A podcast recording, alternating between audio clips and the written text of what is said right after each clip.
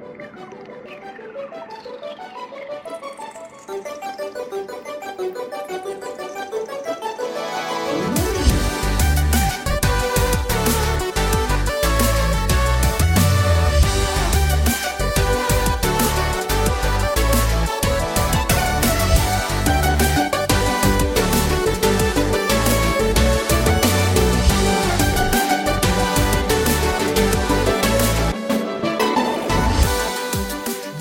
Velkommen tilbake til nerdelandslagets Sidequest. Og endelig er vi tilbake med en episode av 40 store spillselskap, der vi går gjennom spillselskaps historie. Det er en av mine favorittserier som vi gjør her, fordi jeg lærer så mye nytt om selskapet jeg er glad i, og spill de har lagd, eh, men også fordi de tingene som, eh, man, som blir best, som vi lager, sier ikke at det er sånn for alle, men for nerdelandslaget, det er de som bruker litt ekstra tid på å forberede.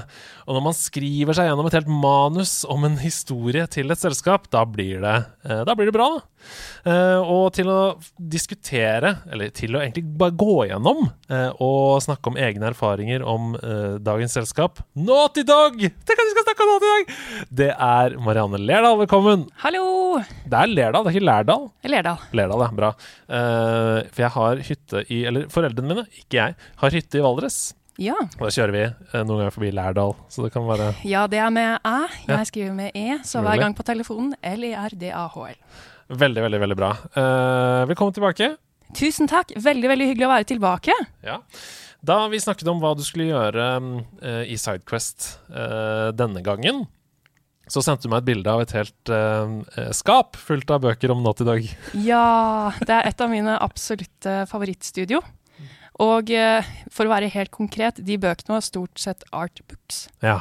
For det mange ikke vet, er at jeg har jo en bachelor i konseptkunst. Uh. Så jeg er veldig, jeg liker å si visually inclined. mm. Så det å se på pene bilder er helt topp. Og konseptkunsten i Naughty Dog, aces. Ja, det er eh, topp eh, notch, helt der oppe på øverste hylle, det de produserer. Alltid.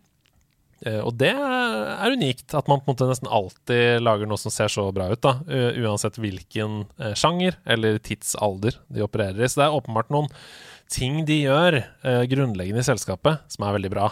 Det skal Jeg vi- tror det er å ansette god artist, først og fremst. ja, men det er også noen hva skal jeg si, prinsipper om hvordan man utvikler spill, f.eks.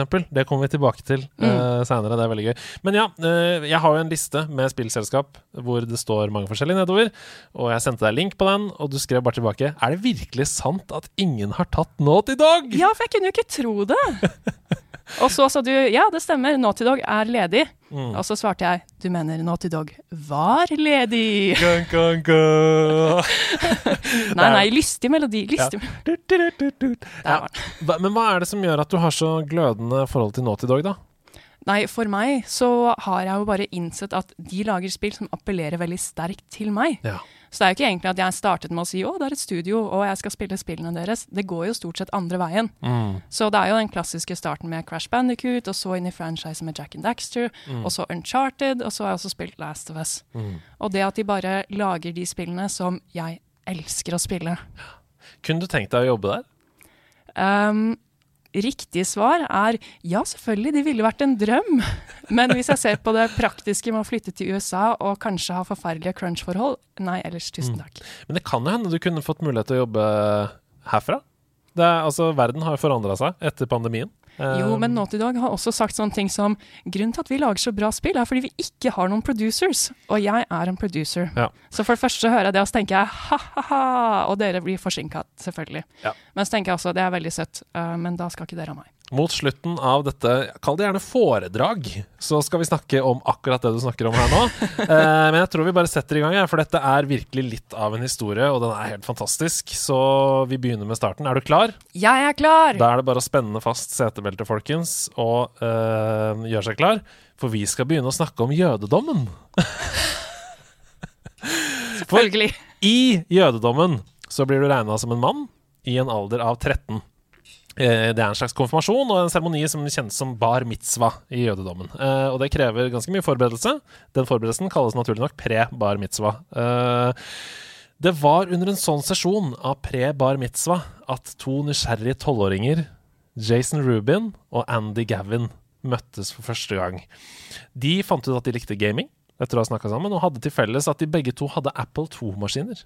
Som på den tiden var uh, the way to go hva gjelder PC. da.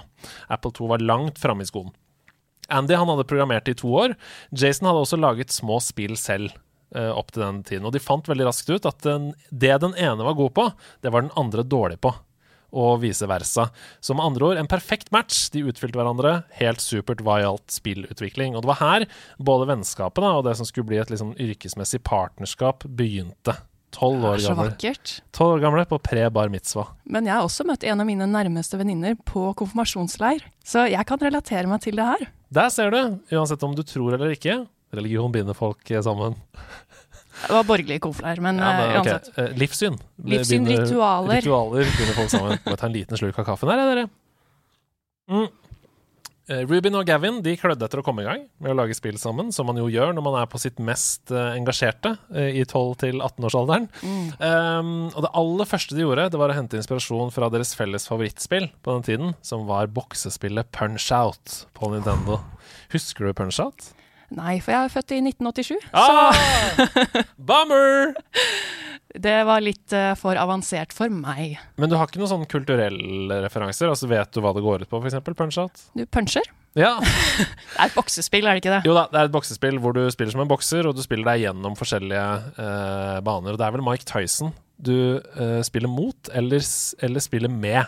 Jeg tror kanskje det heter Mike Tysons Punch-Out. Kan det stemme? Det er i hvert fall, eh, det i hvert fall et boksespill der hvor du må på en måte Ganske tidlig FromSoft. For du må lese motstanderens bevegelser, skjønne når du skal dodge, og når du skal få inn slag. Høres fantastisk ut. Ja. Men i stedet for å lage sitt eget spill, så bestemte de to seg bare for å kopiere Nintendos. Så eh, sånn som naive barn som ikke vet bedre, så begynte de å lage sin egen tro kopi av Punch-Out i 1983. Eh, de brukte ISO-film for å registrere alle spillets bevegelser, og begynte deretter å kopiere både koden og det visuelle, piksel for piksel. Og de jobbet på denne uoffisielle PC-porten, for det var det som var poenget. De ville ha Punch-Out på PC. eh, til eh, I et helt år jobba de med det. Og så, i 1984, så treffer katastrofen. Og dette er en katastrofe som er veldig vanlig i begynnelsen av PC-tidsalderen, fordi da de skulle lagre en sikkerhetskopi av Punch-Out, så kopierte de en tom diskett over den eneste kopien de hadde av sitt eget arbeid. Nei! Så ett år med arbeid var borte for alltid. Tenk oh på det. God. Og da er du altså 13 år, eh, og det må føles som et ganske stort Jeg husker på den tiden så mista jeg sånn POG-slammer Mm. ned i en sprekk, og jeg var utrøstelig. Ja, eller det å miste et memory card, da. Hvor Ja. du f.eks. har en lagring på Final Fantasy 7, eller hva enn du har putta 100 timer inn i. Å, min kompis Hans Magnus som sletta filen på Carina of Time. Mhm. Det er jo nok til at du nesten bare gir opp eh, alt. Men tydeligvis ikke, da. De lagde jo litt spill siden. Ja, det som er utrolig, det er at de greide å gjøre nøyaktig den samme feilen, både med et golfspill og et skispill senere. Gavin lagra over den eneste kopien de hadde, i begge tilfeller. Og etter det så fikk ikke Gavin lagre. Ah, ok, Men de brukte, som du er inne på, ikke lang tid på å deppe over det her. Uh, all den lærdommen fra Punch-Out det gikk inn i å skape deres aller første originale spill selv. Uh, det het Math Jam.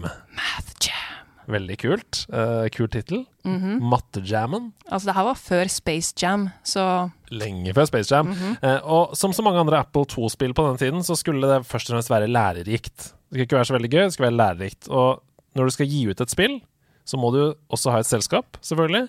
Og vips, så var guttenes aller første spillselskap lansert og etablert. Jam. og Jam, det sto for Jason and Andys Magic. oh. Oh yes, da kan du tenke at Math Jam, det var jo da Math, Jason and Andys Magic. Kanskje. I deres hode, i hvert fall. Året er 1984, og to 14-åringer starter et spillselskap. Herregud. Det er sjukt! Hva gjorde du da du var 14, liksom? Nei, jeg konfirmerte meg, da. Ja, det var det. Og møtte en av mine aller beste venninner. Ja. Men ellers så 14-åringer er jo Du går på skole, og du starter ikke studio da. Nei, du gjør jo ikke det. Du går på skole, som du sier. Eh, Man går vel sånn i 9., 8., 9. klasse på den Mm. tiden. Eh, og det var, det var bare lekser og fotball og henging og gaming, liksom. Det var ikke noe annet. Jeg tenkte ikke på at jeg skulle starte et selskap og tjene penger og sånn. Nei. Men la oss nå si at det er ikke nødvendigvis sånn at hvis du starter et spillstudio når du er 14, så blir det det beste spillstudioet i hele verden. Det er Veldig sikkert sant. mange 14-åringer som har tenkt vi skal lage spill, og så har det bare gått skikkelig dårlig. Veldig sant. Ok, gutta de gir ut spillet Math Jam helt selv. Eh, to stykker. De lager og gir ut spillet. Og de gjorde det på samme måten som så veldig mange tidlig indie Apple 2-utviklere gjorde. Uh, de kopierte spillet selv til disketter, fotokopierte grunnleggende instruksjoner, kasta alt i en ziplock-pose og begynte å gå rundt på skoler. Don't copy that floppy. Så de gikk fra skole til skole da og solgte denne ziplock-posen med en diskett, noen pamfletter og, og sånn, til lærere og administrasjon rundt på skolen. Jeg håper inderlig at når de gikk rundt, så hadde de på seg sånne lange trenchcoats, og så bare åpnet de innsiden av jakkeslaget og bare Du, er mattespill, eller? Ja, skal ha mattespill. De skjønte veldig fort at uh, for å få ordentlig gjennomslag, så måtte man et nivå opp. Sånn som man også må i f.eks. skolen i Norge. Hvis du skal få noe inn i skoleverket, så må du nesten opp til nasjonalt nivå da, eh, for å påvirke det. Du kan ikke gå til Ulsrud skole og si kan dere bruke denne programvaren, f.eks.? Nei, det må komme fra sentralt hold. Mm. Så det var grunnen til at de også ga opp etter at de hadde solgt. Men de solgte en del da, av MathJam likevel. Og det gjorde at de eh, begynte å lage et spillspill. Spill, spill. Og deres aller første spill, spillspill, det ble kalt Ski Crazed. Wow. Og Ski Crazed det ble utgitt i 1986, da guttene var 16. Men i lang tid så het uh, spillet Ski Stud. Helt klar forbedring når de endret tittelen der, altså. Ja, Ski Stud det passet uh, datidens estetikk veldig godt, og kulturelle posisjon. Larry, for eksempel. Ikke sant? Uh, de spillene der. Men jeg prøver også å tenke på når var det Last Christmas kom ut? Oi! Du, det kan være Mm. helt 1986, det. Jeg tenker på videoen dun, dun, dun. Wow, det kan være. Men, men grunnen til at jeg eh, tar opp det her med skistødd og Skiscrace, det er at forløpet til utgivelsen av Skicrace det tvang Gavin og Rubin til å takle problemer på en helt sånn unik måte. Og den måten å takle problemer på skulle hjelpe dem videre i karrieren, som vi også ser spor av i Naughty Dog. Da. For datidens verktøy for å lage coverart til spill, og generelt art i spill, var veldig dårlige. Eh, det, var, det, var liksom, det var ikke paint engang. Altså det, var, det var dårligere enn det. Så i stedet for å bruke det som fantes, så manipulerte de et Apple 2-program som het Pinball Construction Set. Som var for å lage baner, pinballbaner, da. Eh, fordi editoren i det spillet hadde zoom-funksjon. Så de lagde grafikk til Skeek Raced og coverart i et pinballspill. Eller i en pinball-editor, egentlig, da. Jeg føler litt sånn som vi skulle lagd coverart med å bygge ting i Minecraft i dag. Det er veldig godt, eh, god sammenligning. Det er faktisk helt, eh, helt riktig. det. Den mentaliteten her, da, med at du tar det du har, og får til ting med det, liksom, det uh, gjorde at de holdt ut i et marked som endelig begynte å komme seg etter det beryktede spillkrasjet, som vi jo vet om. Uh, ET eh, det er det det står her. Vi kjenner historier om ET-spill som er nedgravd i ørkenen. Mm. Uh, Schrødingers ET. Absolutt. Så de gikk da med skistud, de to guttene, og presenterte det til et lite Michigan-basert forlag, forlag som het Baudville. Og Baudville, de elska det de så. Dette var jo en tid hvor alt som var spill, var bare sånn det, det skal vi ha. Uansett, nesten. Så Baudeville de endret navn fra Skistud til Ski Crazed. Det var noen voksne som var med. i Gjorde noen som sånn markedsundersøkelser, fokusgruppetesting. Ja. Og alt var good to go. Og Ski Craze det solgte 1500 cirka eksemplarer. Er ikke dårlig, det? Det er virkelig ikke dårlig. Nei, de, eh, de to gutta de tjente rundt 30 000 dollar på det. Og det var mye i 1986. Veldig mye. Eh, jeg, jeg kan ikke sånn umiddelbart bare oversette det tallet i hodet, men 300 000 kroner ville det vært i dag. Så kan du sikkert gange det med 10, tror du ikke det?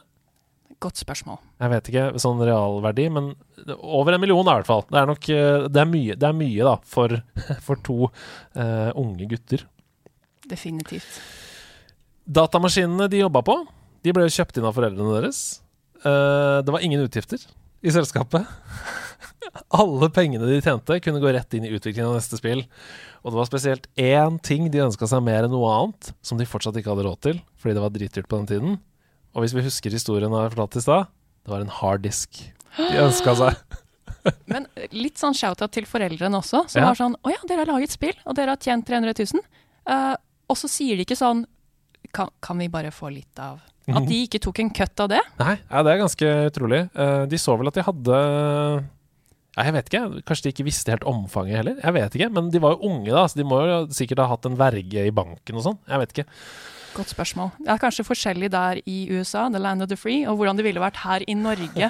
Kanskje vi kunne hatt den samme historien her, men så var det sånn Så tok overformynderiet pengene, og de kunne ikke kjøpe en harddisk. Nei, og de kjøpte jo ikke harddisk, for de hadde ikke råd. Tenk på det. Eh, De fant, eh, det var jo også en sånn sidehistorie her om at de så at det var en fyr som hadde en fem megabyte harddisk. Og de bare wow, han har alle pengene i verden, tenkte de. Det er veldig rått. Ok, De tjente likevel nok da på dette til å utvikle spillet Dream Zone.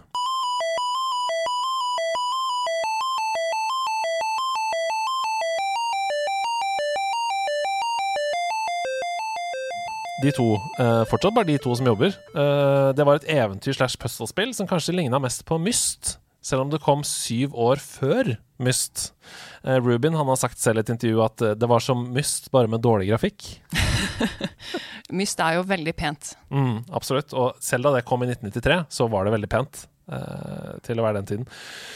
Dream Zone det ble ikke like godt mottatt som uh, Ski Crazed, eh, men det var fortsatt lønnsomt. De tjente ca. 15 000 dollar på det spillet, så halvparten da av Ski Crazed. Og det er ikke så rart, for Ski Crazed er liksom et skispill der hvor du hopper eh, og liksom yeah, Det er veldig lett tilgjengelig. Bredere målgruppe. Ja, mens, eh, mens dette Dream Zone er jo introvert, puzzle Men kom de på tittelen selv? For jeg tenker Skistud, hadde det også bare solgt 1500 kopier? Oi, godt poeng. Godt Mm. poeng. Nei, jeg vet ikke, jeg vet ikke om Baudwill blanda seg inn i tittelarbeidet med Dream Zone. Uh, men det de i hvert fall ønska seg, det var at de, de ville ha litt mer igjen. Litt mer penger igjen for det harde arbeidet sitt. Uh, nå hadde jo et studio, eller sånn en utgiver, da, som tok en cut. Det var det jo ikke på, på Eller i hvert fall ikke i like stor grad på ski-crace, Det kan mulig avtalen forandra seg. Fordi de, i løpet av det siste året på videregående, husk på det, de går fortsatt på videregående, så avslutter de da forholdet til Baudwill. Å nei. Nei. Ha det bra, Baudville. Lykke til med det dere skal. Jeg vet ikke om de finnes ennå. Enn hvis de hadde fortsatt? Ja, tenk på det. tenk på Det uh, Det neste skrittet som de to gutta gjør, det er et av de dristigste de gjør i hele sin karriere. For som 17-åringer med tre spill under beltet, så ringer de til EA. Hallo, Mr. EA? Electronic Artists, som det heter på den tiden, eh, og ber om en avtale uten et møte. Altså De bare ber om avtale over telefonen. De vil ikke ha et møte engang. Og sjokkerende nok så blir de sendt direkte til selskapets beslutningstagere i den telefonsamtalen.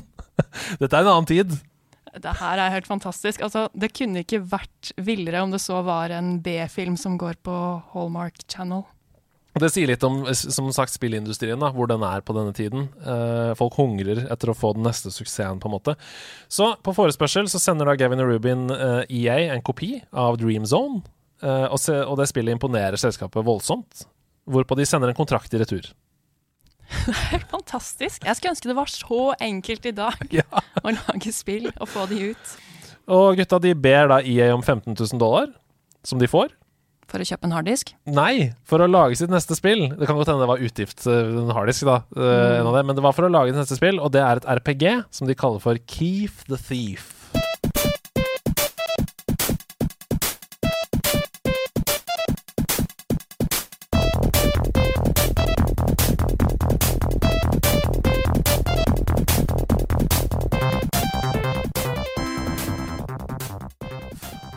Keep the Thief. Men EA de gir dem ikke bare 15 000, de gir dem også 10% av inntektene av hvert eksemplar det nye uh, spillet skal selge. Som er en mye bedre avtale enn mange andre hadde på den tiden. Og dette er fordi EA på dette tidspunktet, som jeg sa i stad, sto for Electronic Artists og ikke Arts.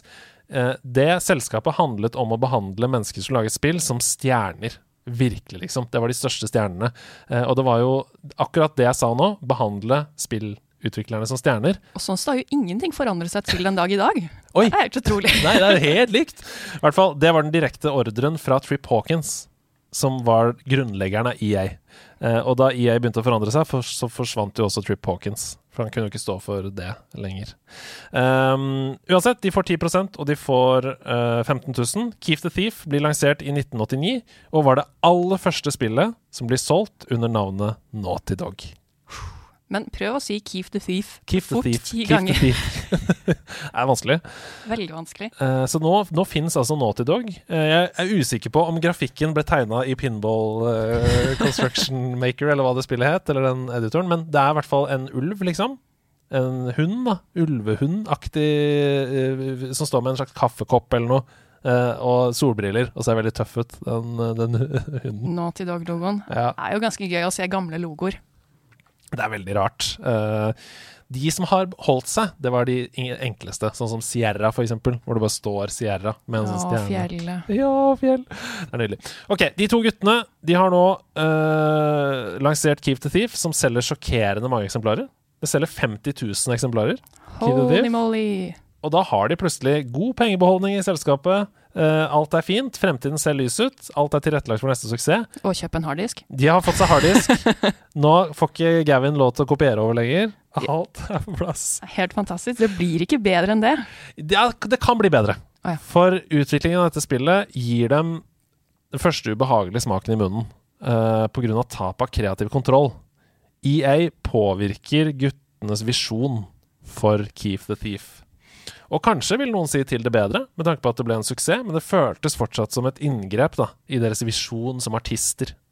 Så det var sånn Alt er bra, men jeg har litt vond smak i munnen likevel. Så det var en, det var en suksess med bismak. Så selv med tap av kreativ kontroll i bakhodet Jeg vet ikke om du uh, har kjent på disse tingene selv? Er det en utgiver som har blanda seg noen gang i en prosess du har stått i, f.eks., som spillutvikler? Det er et veldig godt spørsmål. Uh, når vi lager spill, og jeg sier vi med alle noen gang har jobba med, så er det jo Altså, man er såpass mange at uansett så må man jo jobbe sammen, og du får innspill. Mm. Så jeg har ikke opplevd at én publisher kommer og sier dere må endre det. Mm. Heldigvis. Mm. Men jeg kan jo forstå når de er to karer, gjør alt sjæl, at det da skal komme noen utenfra. Og særlig hvis du er da 17-18 år, og du vet alt når du er 17-18 år, Ja. og så kommer noen og sier hva du skal gjøre. Ja. Jeg vet at hvis det hadde vært meg, hadde jeg også vært sånn Det her hadde jeg klart sjøl. Ja, Ikke bland dere, grandpa. man blir trass òg. Da skal jeg i hvert fall ikke at det skal være sånn. Ja, og det har jeg ikke vokst ut av heller. Så er nydelig. Nei, men som sagt, selv med tap av kreativ kontroll i bakhodet, så blir Rubin og Gavin hos EA. De pitcher et nytt RPG som de sier kaller selv et mye mer ambisiøst og kostbart RPG enn det Keef the Thief var. Kodenavnet er Buccaneer. De ber om 90 000 dollar for å lage det, så det er jo da en seksdobling av budsjettet. Og EA sier ja, selv om kostnadene stiger til 150 000 dollar eh, Wow. når alt er sagt og gjort da på dette. prosentvis veldig stor økning i budsjettet. Absolutt. Eh, og det er fortsatt ganske tidlig, dette, så det er jo mye mer penger enn det ville vært i nåtidens penger. Eh, men dette blir til spillet Rings of Power.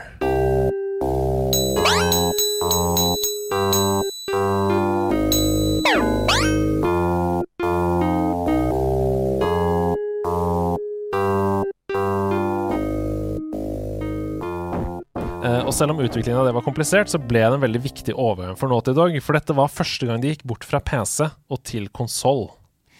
Eh, og de trodde ikke det da, for de sa selv at Rings of Power burde vært et PC-spill, i anførselstegn, men de lagde aldri et spill til PC igjen. Etter Rings of Power. Heldigvis. Heldigvis! Rings of Power det ble en kjempesuksess. Stort RPG. På coveret så ser du en fyr som rir på en drage. Eh, det solgte 100 000 eksemplarer på tre måneder Wow. til Sega Genesis i 1991. Å, jeg får gåsehud! Det er ganske utrolig. Det er veldig kult. Eh, hadde du noe forhold til Sega Genesis? Du sa i forrige uke så snakket vi litt om at du hadde Nintendo, Mario 1 og 3 og sånn, og PlayStation. Ja, det var egentlig bare NES, og så var det PlayStation all the way i Mm. vår husholdning. Det Mm. var eh, min eldstebror som konfirmerte seg, og han gjorde en deal med mine foreldre om å bruke pengene sine på å kjøpe en PlayStation. Og da var det gjort. Alle mine drømmer om Nintendo 64 var knust. Ja. Men nå er jeg jo takknemlig for det, Ja. fordi jeg elsker jo PlayStation. Mm. Det er uh, en slags blind eh, lojalitet. Og ingen venner som hadde Sega på den tiden. Ja, Det var rykter om at det var én gutt i klassen som hadde Sega, men vi var ikke venner. For det var litt sånn gutter og jenter som er venner. Mm. Mm. Rart, ja. Nei, det var en i, i min omkrets som hadde Sega òg. Eirik. Takk til deg, Erik, som gjorde at jeg fikk spille Sonic, blant annet. Takk til deg. Ok, så kommer det store gjennombruddet, altså, for guttene. eh, indirekte gjennom et slåssespill. Og merk deg dette. Gjennombruddet kommer fordi de leser markedet. Eh, Nå, nå peker jeg på mitt egen hjerne noen smartness. De leser markedet. Street Fighter 2, Mortal Kombat, eh, Samurai Showdown. Ekstremt populære slåssespill på denne tiden, og det hadde Naughty Dog og de to gutta også lyst til å prøve seg på. Eh, de følte at det var en ganske enkel sjanger å lage et spill i, i motsetning til store RPG-er med branchende historielinjer og sånn, sånn som de hadde gjort nå. Så var det bare å putte to karakterer som skulle slåss mot hverandre, på en skjerm og så var det ferdig. Må man kanskje lage fire forskjellige baner. Men... Ja, det begynner å bli når du, når du, tenker, så tar det litt lengre tid. Men det tar, er fortsatt eh, mindre jobb enn et stort RPG. Ja, helt klart. For her begynner altså utviklingen av Way of the Warrior i 1993. Hearten ye, for I tell a tale known to precious few, and extend a challenge to compete with the greatest warriors the world has ever known. The victor will gain entrance in the book of warriors, and his name will be law for centuries. Eh, og det tok omtrent ett og et halvt år, i motsetning til tre år, som eh, da um, Rings of Power tok. Så de hadde jo rett, det tok eh, halvparten av tiden. Eh, og omtrent alle pengene deres De hadde nesten ingen penger igjen da de var ferdige med det. Men Ruben og Gavin sitt Way of the Warrior det ble endelig lansert på 3DO i 1995 og ble en suksess da, på denne merkelige konsollen 3DO, som var Trip Hawkins sitt hjertebarn etter å ha brutt ut av EA. Eh, den ble produsert av Panasonic. Wow. Ja. Og det var mange som trodde at 3DO skulle være liksom Ja, vi, vi kommer til å ha Nintendo, Sony, Sega og 3DO. Mm, det er litt sånn HD-DVD. Ja, og Blu-ray, ja. ja. Eh, så den blir sluppet der, eh, og det går kjempebra. Way of the Warrior blir en kjempesuksess. Eh, såpass suksess at de ikke gjør så mye på et par år. De bare reaper the rewards og slapper av og på en måte lærer seg ting og holder seg oppdatert og sånn, men de lager ikke noe nytt. Så det er et par år med stillstand der, eh, i Cambridge i Massachusetts, hvor da til slutt vår superduo setter seg i en bil eh, og kjører til California for å møte Universal. The Promised Land. Ja, ja, ja. Og under den turen her, på tvers av landet, da, fra Boston, langt opp i nord, og helt ned i sør-vest eh, til California, så snakker de seg gjennom hva som skal være ideen for neste spill. Så de skal pitche på møtet når de kommer fram til Universal. Men i alt det her, jeg tenker på hvor gamle de er. Ja. For de har jo utdannet seg ved siden av. Så jeg tenker du har lagd ekstremt suksessfulle spill, men også studert på MIT. Mm, I Boston, ja. Det er ganske rått. Um, så ja, selv om, selv om spillutviklingen sto stille, så sto jo ikke den personlige utviklingen stille. Uh, det var ikke sånn at de hvilte på livebaren i noen år før nei, de fant ut at nei, skal vi lage litt mer spill? Nei da, de gikk på bossen og sånn, så det, det, du har rett i det, altså. Um, men anyways, akkurat sånn som de gjorde før de laget Way of the Warrior, som jeg var inne på i stad, så diskuterte de seg gjennom i denne bilen hvordan spillbransjen ser ut nå. Hva er det som skjer nå, hvilke trender er det? Uh, før de da liksom skulle gå i en logisk retning, da, basert på det. Så de ønsket igjen da å imøtekomme det som markedet ville ha, uh, og ikke bare lage det som de selv hadde lyst til. Selv om de liksom De måtte selvfølgelig initiere noe av sin egen spilleglede i det, men de ville ta et sånt strategisk lurt valg før de begynte. Og da begynte de med sjanger. Og karakteractionspill, det var noen av de største spillene der ute. Og da mener jeg spill som Sonic, Mario, altså uh, action-plattformspill som er basert på en character, på en måte. Og husk at dette er før PlayStation blir annonsert. PlayStation fins ikke på denne tiden. Det er så rart. Ja, så de ønsket å se på muligheten til å gjøre noe sånn som dette. Noe som Sonic og Mario. Uh, og de så for seg at det kom til å fungere kjempebra på 3DO-konsollen.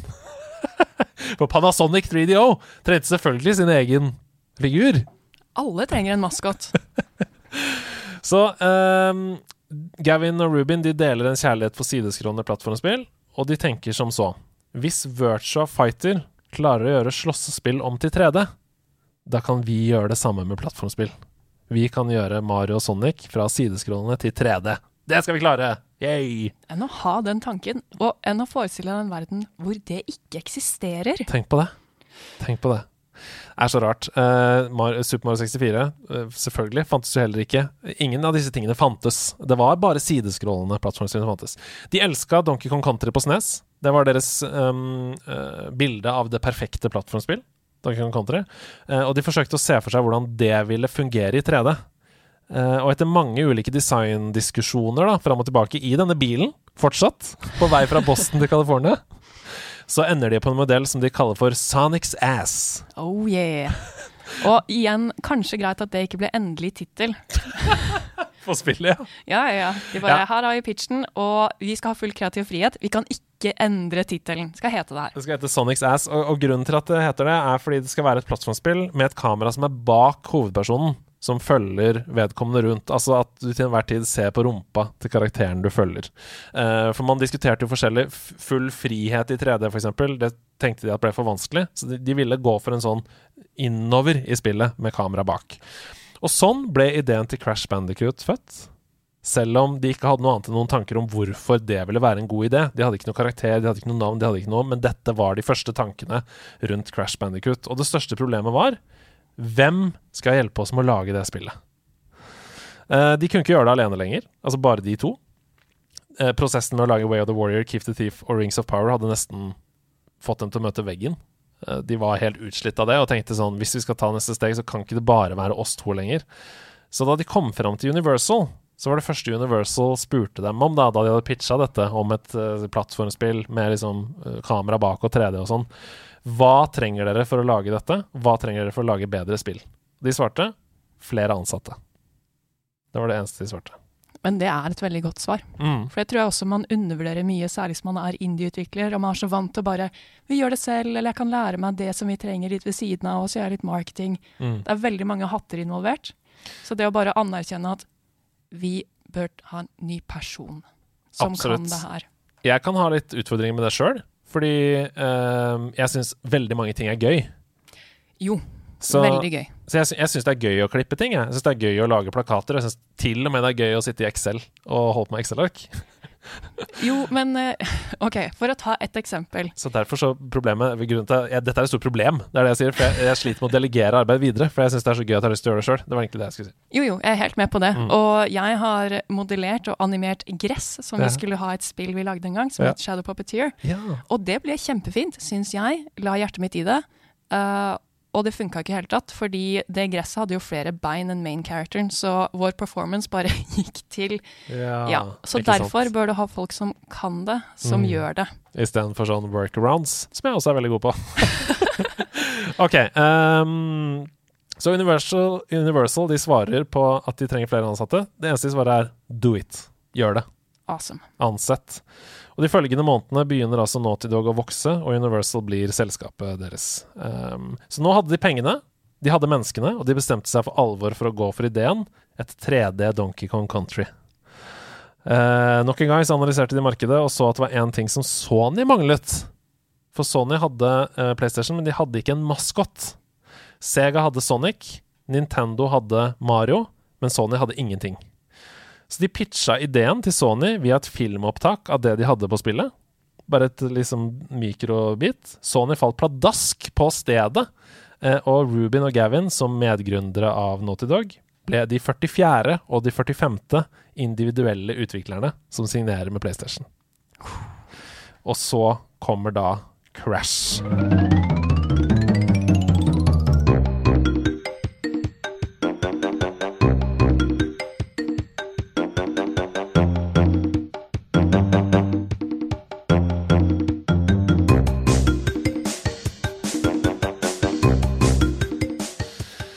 OK, så skal vi begynne å snakke om Crash Bandicoot, da. Ja, det spillet som vi har spilt. Ja, for det er det første spillet fra Naughty Dog som både du og jeg har spilt. Uh, og der har vi nok spilt alle tre. uh, og sikkert Crash Team Racing og sånn òg. Jeg har kanskje spilt Crash Team Racing aller mest. Det er fantastisk!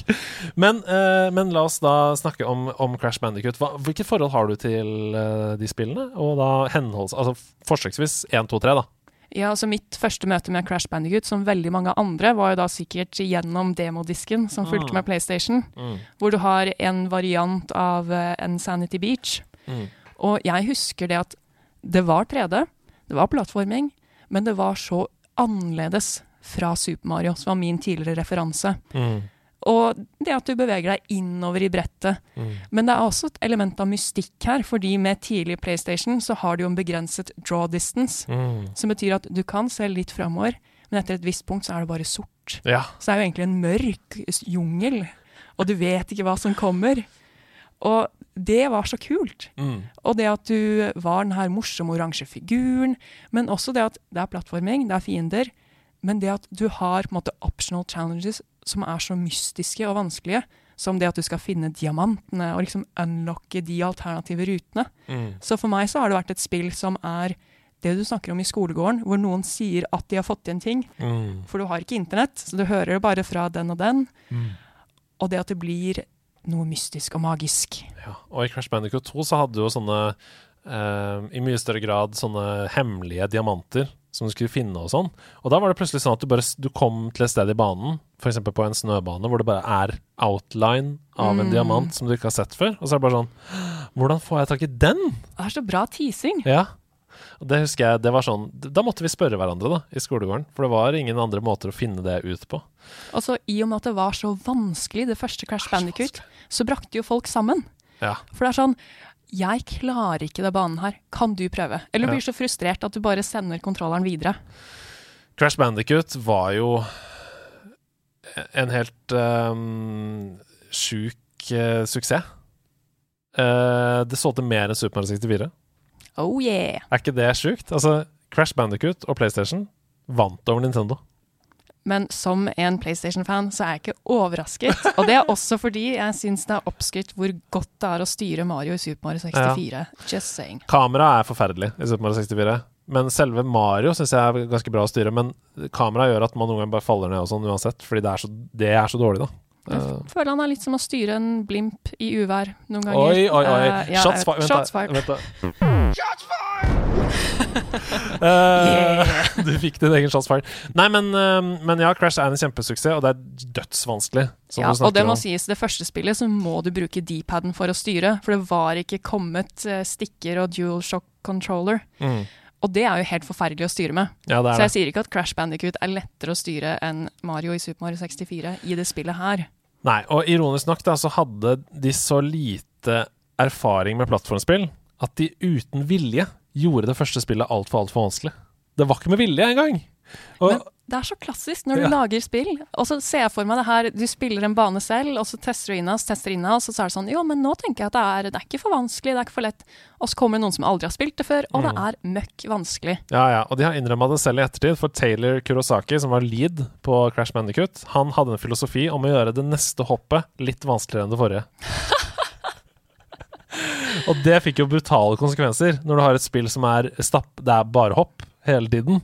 Så han sleit med å spille det selv. Han anbefalte både venner og sin egen mor å please spille Crash 2 istedenfor Crash 1. Men Crash Bandicoot, har ikke det også et veldig tidlig eksempel på dynamisk vanskelighetsgrad? Fordi det er jo den levelen som er kanskje mest ikonisk, hvor du løper fra den store steinen, Indiana Mm. Jones-style. Og da mener jeg å si at for hver gang du dør, så blir den steinen litt langsommere. Oi, det har jeg faktisk ikke lagt merke til, for jeg har aldri dødd på den banen. Neida. Nei, nei, men det har jeg faktisk ikke lagt merke til. Det kan godt hende at det har skjedd, og så har jeg bare greid det og tenkt jeg er kjempegod, men da er det sikkert fordi den jeg blir um, Ja, jeg beklager, det var ikke meningen å ta fra den følelsen av at jeg ble bedre til å spille spillet, og derfor jeg klarte banen. Det er Nei, godt men- mulig at det var det også. Den mest ikoniske vanskelig banen i Crash Bandicoot 1 må jo være den uh, hvor du er oppe i skyene, og så er det hull i broa. Ja, jeg har lyst til å si Stairway to Heaven, men jeg tror ikke den heter det. Nei, for der er det helt krisevanskelig. Dårlig draw distance, det er glatt, det er eh, skilpadder. Også hvis du snurrer bort en skilpadde, så får du ikke til å hoppe på den. Altså. Det er krise. OK. Uh, Crash blir en verdensomspennende suksess. Det selger mer enn Super Mario 64 før det kom til DS. Da det kom til DS, så passerte det Crash med millioner. Men uh, det er selvfølgelig fordi Nintendo DS er en av de mest selgende konsollene noensinne. Uh, faktisk mer enn Jeg tror Nintendo DS og 3DS er verdens mest solgte konsoll. Jeg spilte ikke Super Mario 64 før på 3DS, så da fikk jeg endelig oppleve det. Der har du det. Uh, deres neste spill blir designa med Crash Bandicoots ånd i tankene, men det skal være større, det skal være bedre, det skal være mer åpent og mer tilgjengelig, og det var nøkkelprinsipper som står i designdokumentet for potensiell suksess. Eh, det var en blanding av gammelt talent som jobba med Crash Bandicoot, og nytt talent som ble henta både innenfor og utenfor spillbransjen, faktisk, som var nødvendig for å gjøre den ideen til virkelighet. Og den ideen, det var Jack and Daxter. Jack and Daxter, Daxter, Daxter. Det er så bra, det spillet! Ja, eh, de kunne ikke jobbe med Universal på det tidspunktet. Og det har de sagt uh, i et intervju. Her kommer et sitat. Our relationship with Universal had gotten to the point where we couldn't continue to make Crash Bandicoot games, har Rubin sagt i et intervju, da. Fordi Universal eide rettighetene til Crash, så tjente ikke Naughty Dog nok på spillene til å forsvare og lage dem. Eh, I tillegg så var Universal veldig fiendtlig innstilt til Naughty Dog etter den suksessen med Crash. Gikk dem i sømmene på alt de gjorde. For de var jo livredde for at neste Crash ikke skulle selge like mye som det forrige Crash. Ikke sant? Det var jo plutselig en av pilarene i Universal sin inntektsstrøm. og når du da er investor, f.eks., så blir du jo ja, Det er klassisk 'if you love something, set it free'. Ja. Så hvis de bare hadde vært litt mer avslappa, hvem vet hvor mange Crash-spill vi hadde fått. Mm. Så de går altså til eh, Sony. Sony ser de første skissene til Jack and Daxter. De har jo Altså, uh, Crash har vært til deres konsoll, men det er også det eneste. De har ikke eid noe. De har ikke hatt noe med det å gjøre med Crash. Eh, men når de ser de første skissene til Jack and Daxter, så bestemmer de seg for at de ikke lenger kunne risikere å miste en potensiell maskot til, sin, til en annen plattform. For det risikerte de jo med Crash hele tiden.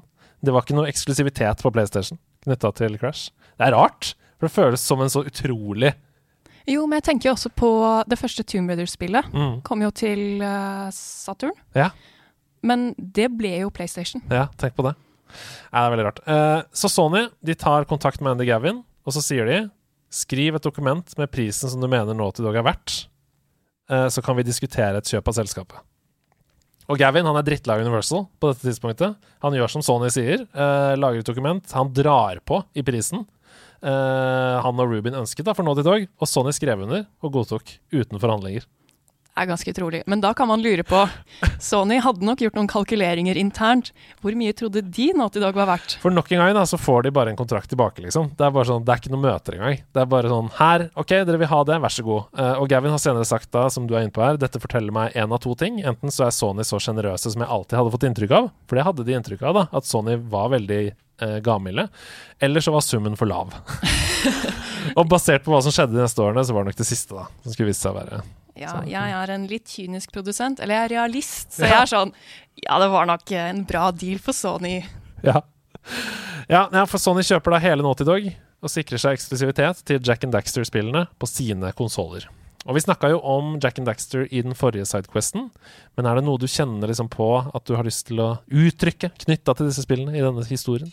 Ja, det jeg syns er veldig interessant, er jo å se på størrelsen på team som lager spill. Ja. Yes, fordi de startet jo som to personer, og så Mm. fikk de litt flere til Crash Bandicoot.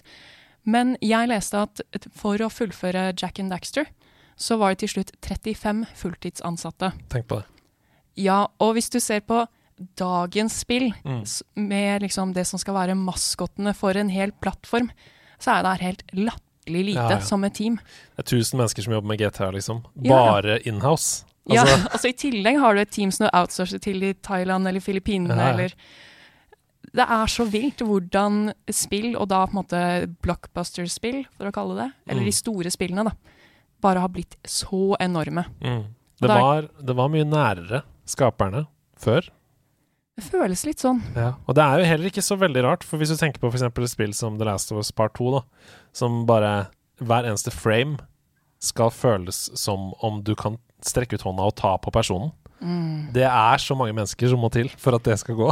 Ja, eller så må du bare lage det over veldig mange år. Ja, To personer kan lage det hvis de har 2564 år. ja det er veldig sant. Um, Men da får du sånn Duke Nukem Forever-problematikk. ja, veldig. Uh, ok, vi, vi snakket som sagt mye om Jack and Daxter i forrige episode, så jeg tror vi skal hoppe videre.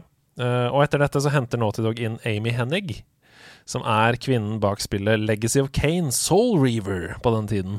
Og de gir henne full kreativ frihet. Eh, også hun inspirerer seg av samtidens spilltrender og, og prøver å se på hull i markedet og sånn. Og så eh, kombinerer hun det med å gå tilbake til en av sine egne helter, nemlig Indiana Jones. For-. For inspirasjon, da. I 2007 så begynner Naughty Dog arbeidet med Uncharted-serien, og gjør sin første tilnærming til realistiske verdener og karakterer. I motsetning til Crash da, og Jack and Daxter, som jo er eh, animasjon og fantasy, eller sånn tegnefilm, da. Og de neste årene, når Naughty Dog hopper fra PlayStation 2 til PlayStation 3 og PSP, det var de mest turbulente og prøvende årene i selskapets historie. De holdt på å gå under på denne tiden. Naughty Dog sleit med overgangen til nye konsoller. Eh, all koden de hadde gjort, var custom for PlayStation 2. Eh, de utviklet sitt eget programmeringsspråk til eh, Jack and Daxter. Eh, og absolutt ingenting kunne brukes for de nye konsollene, eller de nye spillene. Så de måtte begynne på nytt. Og det er en periode her på tolv måneder hvor produktiviteten i selskapet er så lav på de to prosjektene de jobber med, som er Uncharted og et nytt Jack-spill. Det er det som de jobber med samtidig. De var kun konseptuelle på denne tiden. Folk begynte å bli rastløse, de var bekymra for alle endringene som foregikk. De var rett og slett i ferd med å miste troa da, på både ideene og Naughty Dog. Og i en spillebransje som på den tiden er i voldsom vekst, så begynner folk, altså ansatte, begynner å se seg rundt etter nye utfordringer. Naughty Dog var et selskap på 70 personer ved inngangen av året. Ved utgangen var de 45. Åh, det er så vilt å tenke på. Så på tolv måneder så mista de 25 ansatte. De blødde talent, rett og slett. Men det er jo ikke uvanlig hvis man går gjennom store endringer i et firma, Mm. man går for en annen direction, at det da er noen ansatte som sier jo, men det spillet som vi holder på å lage, det taler ikke til meg. Da vil jeg gjøre noe annet. Mm. Så denne voldsomme usikkerheten, da, denne ansattflukten, kombinert med veldig lav moral i hvert eneste hjørne av selskapet, det tvinger fram en ganske stor og tung avgjørelse. Og det er å legge vekk Jack and Daxter for godt. Det gjør meg selvfølgelig veldig trist at de gjorde det, Ja. men Uncharted er også en av mine absolutt favorittfranchises. For det er det som skjer. De tar alt talentet og fokuserer over på det spillet som egentlig alle egentlig hadde lyst til å jobbe med. Det var ikke så veldig mange som hadde lyst til å jobbe med Jack and Dexter. Ja, men hvis de laga Indiana Jones-spillet, vær så snill. Og så begynner de å jobbe på Uncharted 1. Og nå kan vi snakke om Uncharted! Hvor skal man begynne? Hvor skal man begynne? Men la oss begynne der, fordi at nå er det etablert. Uncharted er fantastisk, alle vet hva å snakke med. Det er liksom the pinnacle av sin sjanger. Mm. Men jeg husker når det ble på en måte annonsert, og alle bare uh, Dude Raider, anyone? Ja, ja. Og det hadde faktisk arbeidstittelen. eh, Dude Raider. Eh, fordi det var liksom en meme da, på, på det som da datidens internett. Eh, og inntil den første Det var vel også I den første presentasjonen av spillet så hadde de ikke noe tittel. Fordi de uh, de, de mm, Sony, eller Nei, ikke nødvendigvis Sony. Jeg tror kanskje det var uh, Jeg husker ikke hvem det var, men det var noen som sa det kommer ikke til å funke i UK. Oh. Uncharted. Det har jeg aldri tenkt på! og nå kommer jeg til å tenke på det hver gang. Det Tusen var- takk, det er en gave. Det var derfor. Så i, altså bare timer før den første uh, visningen av traileren, så sto det 'Uncharted' eh, i det siste bildet, og så fjerna de det, og bare hadde en Naughty Dog-logo isteden. Så det hadde ikke noe tittel på den første releasen. Men etter masse masse krangling internt, da, så fikk de da eh, ende på tittelen 'Uncharted', og ikke 'Uncharted', som, som de var redde for.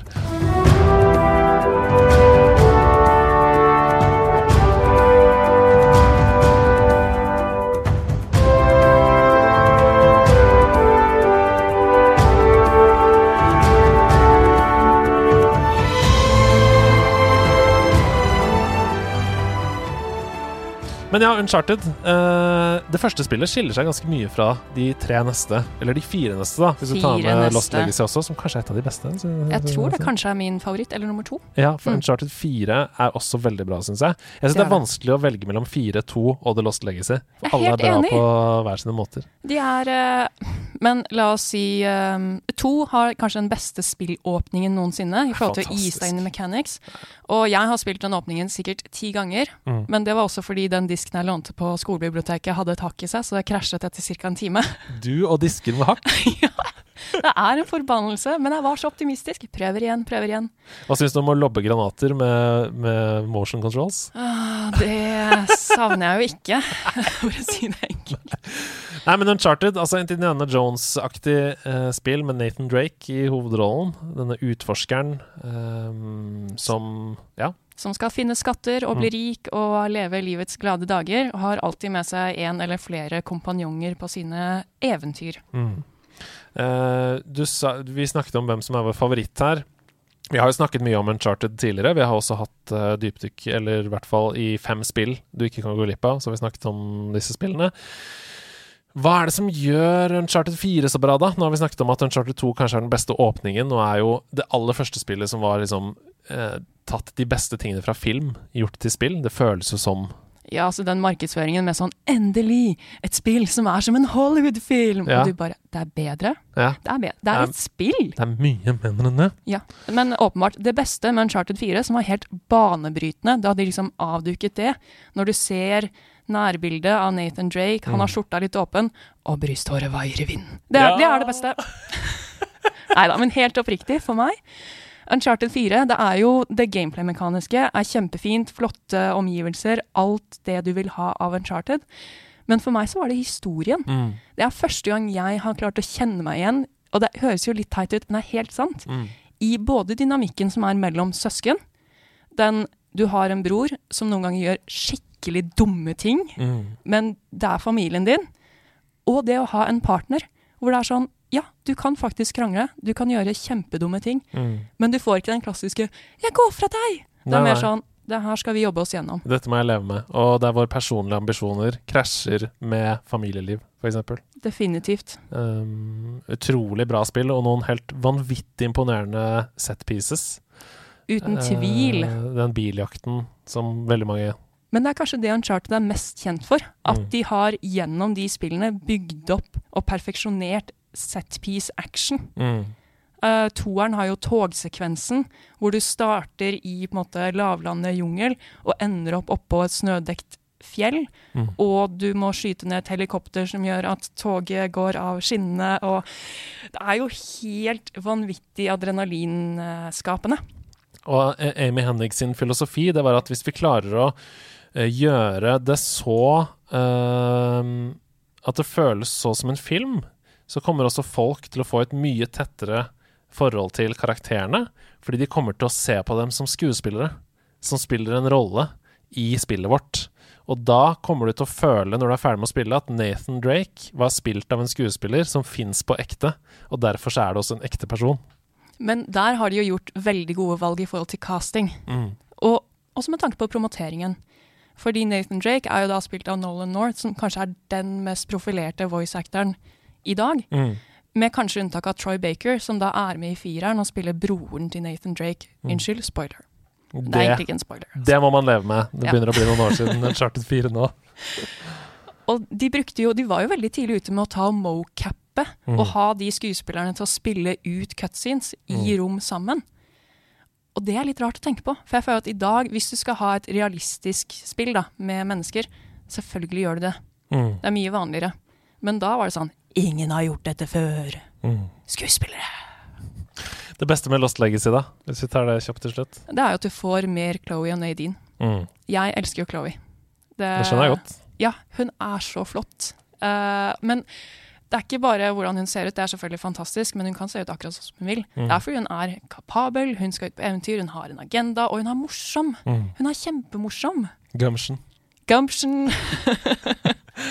Ok, nå bestemmer Sony og Naughty Dog seg for å kutte Naughty Dog i to. Og dette er en veldig berømt splittelse. Eh, etter hvert blir den i hvert fall veldig berømt. Den var ikke så berømt i starten, men etter hvert så blir den, fordi det resulterer i en av spillhistoriens mest spennende utviklingsperioder i noe studio. Den samtidige utviklingen av Uncharted 3 og The Last of Us. Samtidig! Tenk å gå på jobb da! Er så utrolig. Ja.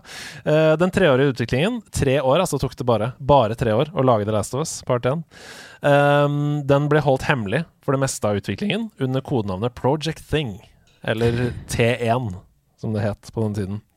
Og for å drive de to forskjellige teamsene eh, jevnt, så eh, velger da co-presidentene på den tiden Evan Wells og Christophe Balestra. De velger spilldirektør Bruce Straley og kreativ direktør Neil Druckman Neil Druckmann. til å lede utviklingen av The Last of Us. Uh, Straley blir ansatt hos Naughty Dog mars 1999, ble valgt å lede prosjektet basert på arbeid med tidligere prosjekter, mens Druckman, som var ansatt siden 2004, ble valgt for besluttsomhet. Uh, altså bare ta avgjørelser og, og gå stå i det, liksom, istedenfor at det drar ut. Og designtalent. Men det er en undervurdert skill, det å bare kunne ta avgjørelser og stå i det. Mm. Det sparer så mye tid. Ja, det er helt uh, Altså, alle de prosessene Hvis jeg har jobba med TV, f.eks., som har gått skeis, så er det av to grunner, som regel. Det ene er assumptions. Mhm. Man tror at noe skulle være på en måte, og så er det ikke snakka ordentlig nok om. Så det blir ikke sånn. Yep. Eh, og det andre er det å eh, være vag da, i, i valg. Mm. Sånn at man tenker sånn Ja, vi, vi skyter dette opptaket en gang til. Fordi jeg er ikke helt fornøyd. Eller altså ender man opp med bare 70 takes av det samme, og så klarer man ikke å velge, f.eks. Og bruker også mye lengre tid i etterarbeidet på å velge. Så det å ikke ta valg, da, Mm. det fører til sånn nedover i systemet. Veldig eh, mye clutter. Det blir problemer av det. Er, eh, et av mine talenter er å ta valg. Ja! Ja, eh, heldigvis. Men det er også fordi jeg har utviklet en slags eh, positiv fornektelse. Ja. Så hvis du tar et valg, så er det jo fort gjort å tenke å, men enn hvis jeg har valgt noe annet? Mm. Jeg bare tenker alltid det andre valget ville vært verre. Ja, ja men det er verre. veldig bra. Jeg trodde du skulle si en god magefølelse, men det var ikke det. Nei, det har jeg ikke utviklet enda. Kanskje det kommer om noen år. Ja, Veldig bra. OK, The Last of Us, part 1 og 2.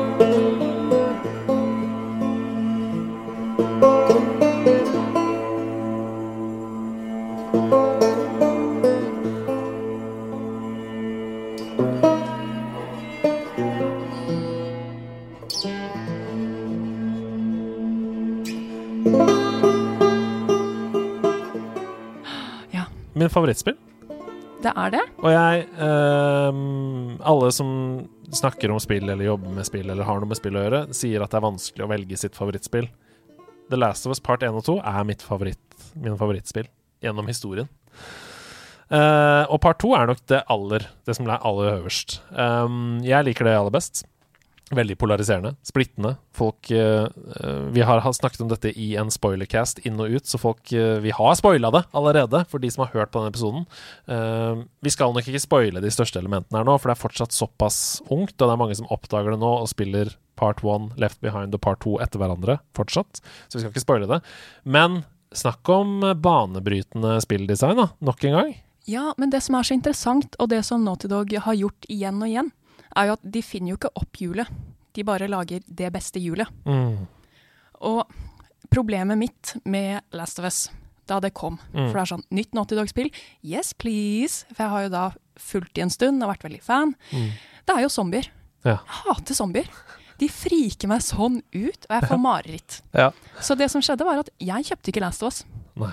Min eh, på da det tidspunktet kjæreste, nå ektemann, han kjøpte det Ja. og spilte det. Så det begynte med at jeg så på at han spilte innimellom. Kanskje Med litt pute. sånn, litt sånn mellom fingrene. Men mer etter mer kunne se på det. Ja. Og det var jo en opplevelse. Uh, men det er så vondt og vanskelig. Ja. Men det hjelper jo når du innser at det er ikke egentlig et actionspill. Det er egentlig et puzzle-spill. ja. Det er i hvert fall mitt argument. eh, Ja, men jeg er helt enig. Det er absolutt det. Og eh, sekvenser av part to er nok mer eh, skytespill, på en måte. Ja, her kan jeg verken spoile eller uttale meg, for jeg har ikke spilt part two. Oi. Og det har jeg bare gjort fordi det kom på et tidspunkt i livet mitt hvor jeg så den første videoen, og så sier noen 'det handler om hat', 'det er et mørkt spill'. Og jeg bare mm, 'nei takk'. Det, det For- trenger jeg ikke nå. Nei, og det må jeg bare si med en gang. Det er det mørkeste spillet Mm. i verden. Nesten. Uh, I hvert fall i, i så stor skala. Du har jo idiotiske spill sånn som Hatred, eksempel, eller spill som bare handler om Som bare er laget for å være provoserende mørke. Men dette er et Triple A-spill, og det er nesten ikke håp i hele spillet. Det er et problem for meg. Og det er litt grunnen til at jeg også hater zombier. Mm. Fordi for meg, hver gang det er et scenario med zombier, så det er sånn de er skumle og ekle og gir meg mareritt. Men også det å bare forestille seg du er i en verden hvor det er så lite håp. Mm. Sivilisasjonen fucka, du fucka. Kommer til å bli en zombie, mest sannsynlig. Mm. Part 1 er et mye lysere spill. Det har uh, hele tiden spor av håp. Eh, og um, man vet ikke hvor fucka man er, på en måte. Altså Menneskeheten føles ikke så Altså Det er Fireflies som løper rundt, og de kan du kanskje bli venner med. Og? Det er sånn Det er noen positive relasjoner mellom mennesker. Ja, og du føler at du fortsatt har de byene eller deler av byene som er fungerende, og du vet at det er vitenskapspersoner som jobber med å finne en kur, eller Mm. Ja. I part 2 er det nesten ingen positive relasjoner mellom noen mennesker. En spoiler. Og, og problemet er også at de på en måte eh, faksjonene som du finner, da, de er tro mot hverandre internt i faksjonen. Men det er fortsatt ikke noe Det oppleves ikke som noe sånn for meg som en sånn Vi er et lag, og vi skal klare det. Jeg føler også at internt i alle faksjonene så er det every man for his own. Da. Sånn at hvis du kommer i en situasjon der hvor vi to er på lag, men vi begynner å utfordre hverandre, så dreper jeg deg, liksom. Sånn. Akkurat som i virkeligheten, mener du? Ja! Oi, yes. Det er helt forferdelig, og forferdelig bra, syns jeg, da. Um, Men det som var litt gøy med Last of Us, da jeg da så på at min kjæreste og ektemann spilte det, Mm. var at jeg trodde at jeg hadde fått en spoiler. Så uh, jeg trodde at Joel skulle dø i det spillet. Ja. Så mens jeg så på, så bare ventet jeg på at det skulle skje. Mm. Og så er det det punktet hvor han f Unnskyld, jeg kommer til å spoile et story point. ja, I The Last of Us Part 1? Part 1, ja. Ja, det går bra. Hvor han faller på en stålstang som Mm. stikker opp. Åh, det følte jeg. Åh, det er så vondt. Han faller ned fra andre etasje fordi han slåss med en dude for å beskytte Ellie, og så kommer den gjennom magen hans, ish. Ja. Og så blir det mørkt, og så er det tilbake i et snølandskap, og du er Ellie for Mm. første gang. Mm. Jeg husker jeg satt der i sofaen og var sånn Joel er død, Joel er død. Og så ser jeg bort på kjæresten min og bare venter på at han skal innse det her. Men så er han ikke død. Joel lever. Mm. Jeg var sånn uh, Ble helt overrasket og forundret. Mm. Og moralen er Du tror kanskje du får en spoiler. Ikke, ikke si det. Bare Kanskje det ikke er en spoiler likevel. Mm. Og Left Behind, den eminente delscenen til Ja. part 1, foregår jo da mellom det blir svart her, og eh, Ellie står og du kommer tilbake til henne. da. Det foregår i, samme, i det samme tidsrommet eh, der, og i fortiden. Så det sp Eller sånn det, Hva heter det? Skipper mellom de to tidshoppene. Det er en veldig veldig bra delelse. Så, og gir mye mer kjøtt på beinet til hvorfor Ellie gjør som hun gjør eh, i ulike situasjoner. Så jeg anbefaler alle som er nysgjerrig på Last of Us, å spille det første, så spille Left Behind. Bare to timer, det er ikke noe problem. Og så par to, da, eh, til slutt. Og det kommer til å komme et par tre. Det er jeg helt overbevist om, basert på slutten i part to. Spoilers. Ja, men det er ikke noe spoiler! At det ikke er en avsluttende slutt. Nei, men Eller det kan ikke- være det. Det kan være en avsluttende slutt. Men det som er veldig interessant, er at når vi har snakket om de tidligere spillene, så har vi Mm. snakket mye mer om spillmekanikkene og hva du gjør. Mm. Men når vi snakker om Last of Us, så snakker vi nesten bare om karakterene Mm. og følelsene. Mm. Og eh, den reisen du er på. Ja, og det er jo for meg et vitne om For meg så er The Last of Us eh, det mest menneskelige spillet som er lagd, eh, og også den beste historien i noe spill, syns jeg. Det er, eh, det er solide saker. Mm. Og introen på The Last of Us Part 1 Nei. er jo legendarisk nå. Og får alle til å gråte og Altså, da jeg spilte The Last of Us 1, så hver gang det var noen på besøk hjemme hos meg, så tvang jeg dem til å spille den introen. Fram til du ser logoen. Bare for at de skulle få skjønne hvorfor jeg spiller spill. Åh, det er kjempebra. Ja, det er kjempebra. Jeg var på et spillarrangement eh, som ble holdt av Fritt Ord. Ja. Og da hadde de en lounge hvor det var forskjellige spill du kunne spille. Og det var liksom for at flere skulle forstå at spill er et viktig medium, viktig Mm. uttrykksform. Og da var et av de spillene Last of Us. Selvfølgelig. Man kunne se starten. Klokka går, vi har passert en time allerede. Eh, tenk på det. Så vi må nærme oss en avslutning her. Vi kunne snakket i fem timer om Naughty Dog. Eh, Uten tvil. Men det er fortsatt litt igjen her. Avslutningsvis så er vi nødt til å snakke litt om Naughty Dogs måte å lage spill på. Du var inne på det innledningsvis. Eh, arbeidskulturen er veldig forskjellig fra mange andre studioer. Og nå har det jo kommet fram litt eh, kjipe rapporter om både saker av trakassering som har blitt forsøkt dysset ned, men ikke minst crunch-kultur, da, som vi har hatt en hel episode om her i nederlandslaget, eh, og som ikke er noe bedre, tvert imot, i Naughty Dog eh, kontra andre selskaper. Så vi får håpe de får gjort noe med det på, på sikt. Men, men det jeg eh, snakker om her, er det du var inne på. Teamene har ingen produsent, og selskapet har mye mindre mellomledelse enn konkurrentene sine. Forretningssiden, f.eks., for eksempel, har ingen kontakt med innholdsdelen av selskapet, som er jo helt insane for meg, men ok, det har de i hvert fall et valg om. Og Det betyr jo da at alle utvikling, spillutviklingsavgjørelser tas uten at det forretningsmessig tas hensyn til i det hele tatt. Sånn som f.eks. lootboxer eller mikrotransaksjoner eller kosmetiske ting. da. Um, hvis, hvis det fins i spillet, så er det fordi innholdsdelen syns det er en verdifull uh, på en måte Addition. Addition. Tillegg. Ja, tillegg. Naughty Dog de har også full frihet i alle aspekter av spilldesignet. Sony uh, holder seg 100% unna. Og vi kan jo si at se hva det har gitt oss. Det har gitt oss de spillene som du mener er best i hele verden, og som Mm. sikkert andre også syns er de beste i hele verden. Så hvor ille kan det være da? Mm. La dem bare gjøre hva de vil. Mm. Samtidig, det at det er så mange mennesker som har kjipe opplevelser med å jobbe der, Mm. Og hvor du på en måte blir litt gaslit, for det er sånn Men du jobber jo for det beste spillstudioet i hele verden! Hvordan kan Tenk du så synes at heldig du er. Ja, så heldig du er. Ja.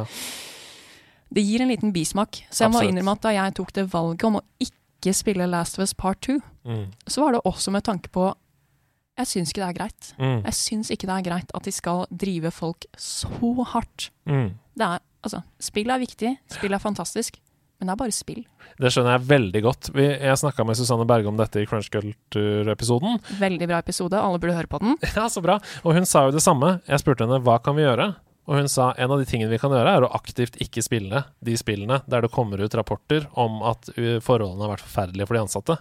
Så det er jo Qatar-VM i fotball i desember. Yep. Eh, og så får folk eh, individuelt bestemme seg for hva de ønsker å gjøre. Men at den, eh, prosessen, de prosessene må forandres, det er vi alle helt enige om. Eh, for det går ikke an å behandle mennesker på den måten, rett og slett.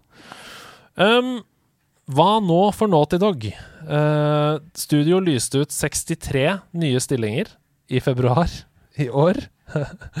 og Neil Druckmann, som nå da er oppgradert til co-president i selskapet. En slags Jesus i, i Dog nå. Han har jo håret til det. Ja, ja, absolutt. Han teaset da at de jobba med tre prosjekter. Det er det de jobber med. Come work with us, on, og så var det tre forskjellige emojis. Oh.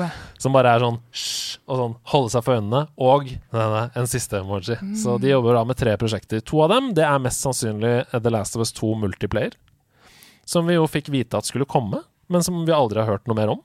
Uh, siden før The Last of Us 2 kom. De sa vi kommer ikke, det krever så mye jobb at vi kan ikke ha det som en egen. Sånn som i Part 1 så var det jo Factions, het det. Uh, det kan ikke være med i spillet. Det må være et eget spill. Mm. Så et, sannsynligvis er et av de det. Sannsynligvis er det andre The Last of Us Remake, som de også har sagt at de lager til PS5. Men det tredje vet vi ingenting om. Og det er også høyst usikkert om det andre er The Last of Us Remake. Uh, så vi vet at de jobber med tre prosjekter, der ett av dem sannsynligvis er multiplayer til Last of Us 2. Men hvis vi ser på hvordan studioet har vært, og vi ser på hvor på måte, lange franchisene har vært, Mm. så er det ikke utenkelig at det er noe helt nytt. Kan godt hende det, altså. At, at uh, det er noe helt nytt som kokes opp. Og da kan det hende at de har sett et nytt hull, da. Som de har gjort gjennom hele historien. Hva kan vi gjøre best? Hvilken sjanger kan vi gjøre det best i? Ja, eller hvis de følger en sånn logisk utvikling fra Crash Bandicoot, som er veldig lekent og upbeat, Jack and Daxter, som er litt mørkere, Uncharted, som er mer realistisk, Last of Us, som er enda mørkere og mer realistisk. Så jeg vet ikke, er det neste spillet at du er en gravferdsagent, eller liksom Ja. Mm. Eller er det bare historiens beste battle royale? Maybe. Med tanke på at de tok på en måte Da plattformsjangeren var på sitt beste, uh, sitt største, så tok de det. Da slåssespillsjangeren var på sitt største, så tok de det. Ja. Uh, så kanskje de nå ser Hvilken sjanger er på sitt største nå? Kanskje de lager nye Minecraft? Among us. Among us! Kanskje vi leier en slags Uncharted Among us? Der har vi det. Der har vi det. Uansett, det eneste vi vet, da, basert på historien til selskapet, er at de er godt rigga for nye suksesser. Mest sannsynlig. Også i fremtiden. Og dette var Naughty Dog, da. Hva syns du? Et selskap som har gått fra Math eh, Hva var det det het? Math Jam. Math Jam og Jason and Andys Magic. Var det ikke det de het? Jo. Jo. Til eh, Nei, Gavin. Jo, ja. Jason and Andys Magic, ja. Eh, til nå da Naughty Dog, et av verdens største og mest anerkjente spillselskaper. Det er jo helt utrolig når man tenker at det starter med to personer, og nå er det sikkert 2000. Hvis man inkluderer alle outsourcing-studioer osv. Ja. Nei, det er helt eh, sprøtt. Og de bærer jo i et eh, klima nå der hvor Sony sliter litt. Microsoft har større og større markedsandeler. GamePass er kjempebra. De har kjøpt alle studioene, Mhm. nesten. Så bærer Naughty Dog en hel konsoll litt på sine skuldre nå. Uh, Det er de og Insomniac. Ja, de og Insomniac. Uh, og God of War. Uh, øh. Den står helt stille. ja, de gjør det for meg òg. Det Men jeg tenker også på Horizon Zero Dawn. Ja, det er, det er jo Guerrilla, Games. Guerilla Mm. Games. Det er de store. Men herlighet at vi ikke Vi må google God Ja, of War. Eh, Santa Monica. si- det må Santa jo være det. Eh, Media Molecule Ja, ja, vel. Så det fins gode Sony-studio. Jeg kommer ikke til å slutte å være en PlayStation-jente. Nei da, ikke jeg heller. Eh, Jeg er også en PlayStation-jente. Eh, Veldig bra. Nei, men, men eh, at, at Sony fortsatt da klarer å holde seg 100% unna nå til dag, gjør de det, tror du? Med tanke på at de er så under press? Godt spørsmål. Ja. Altså, hva man sier utad, og hva som skjer internt. Det er mye vi aldri kommer til å vite. Mm. Det kan jo hende at de jeg vet ikke, kanskje de sender sånne kort i posten med sånn Halla, Har gutta. dere glemt oss? Ja, hadde vært fint hvis dere tenkte på dette til neste spill. Er det greit, eller? Ja, det, er mange, det eneste jeg vet, er at det er mange lunsjer opp igjennom vi ikke har fått lov til å være med på.